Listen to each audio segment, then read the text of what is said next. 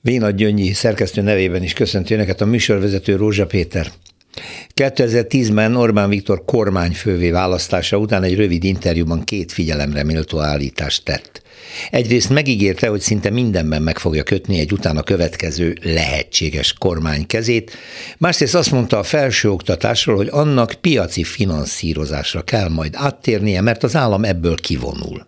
E második mondatával akkor nem igen foglalkozott a sajtó, pedig most érik csak be igazán ennek a termése, amikor a NER által egyetemi modellváltásnak nevezett enstandolás következtében egyetemistáink jó része elesik az Erasmus ösztöndíj nyújtotta lehetőségektől, és az érintett egyetemek kimaradnak az európai tudományos együttműködésekből. És aki kimarad, az lemarad, hogy egy sláger szövegét idézzem.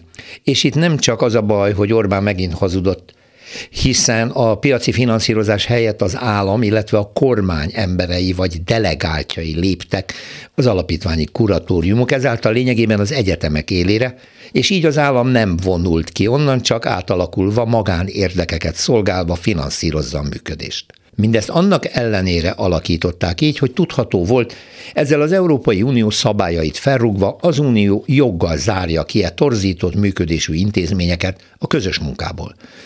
Pedig ez csapatjáték, mint a foci, ahol ugyan az egyik csapat kapitánya a mérkőzés megkezdése után magabiztosan kijelentheti, hogy ő másféle szabályok szerint akar játszani, attól még ez nem lehetséges.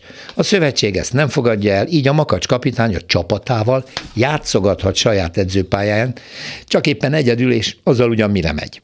Nem is érteni, hogy mi vezeti Orbánt, amikor rendre olyan lépéseket tesz, amelyek ezt az országot egyre hátrébb szorítják a versenyben. Itt a legnagyobb a reálbér csökkenés mértéke, itt kiuglóan a legmagasabb az infláció, nem beszélve a csillagokba szökő energiaárakról, és hát tegyük még azt is hozzá, hogy a migráns ellenes handabandázás árnyékában tízezrével importálandó ázsiai munkavállalók jönnek.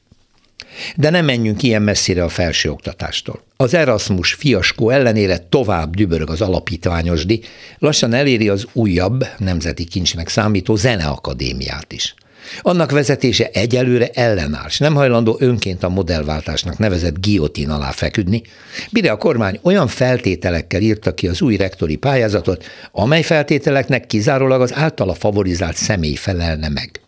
Így sem zenetudósok, sem zenetanárok, kutatók nem esélyesek a posztra, csak egy újabb kormánykedvenc. Hogy ezzel a Liszt Ferenc alapította akadémia garantáltan veszíteni fog a nemzetközi súlyából, tekintélyéből, az nem igen érdekli a NER apostolait. De még egyszer kérdem, mire jó ez?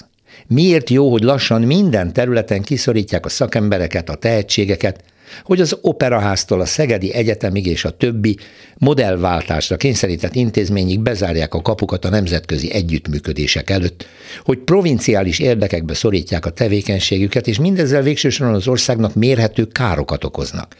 Józan észsel nem látható be, ez csak azért is politizálás lényegében, a hatalmon lévők öntetszelgésén kívül egyáltalán mire való.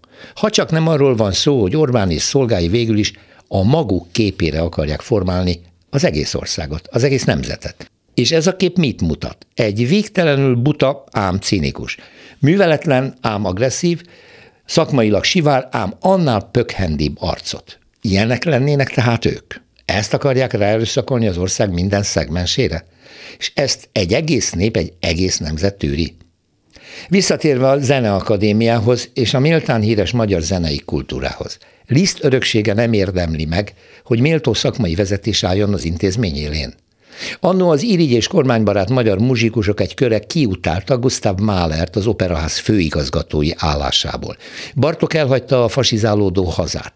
De legalább Kodály maradt, és éppen az ő világhírű zenepedagógiai módszere miatt állnak sorba Japántól Amerikáig az itt tanulni akaró diákok. Ezt az örökséget is kidobja majd az ablakon a rezsim.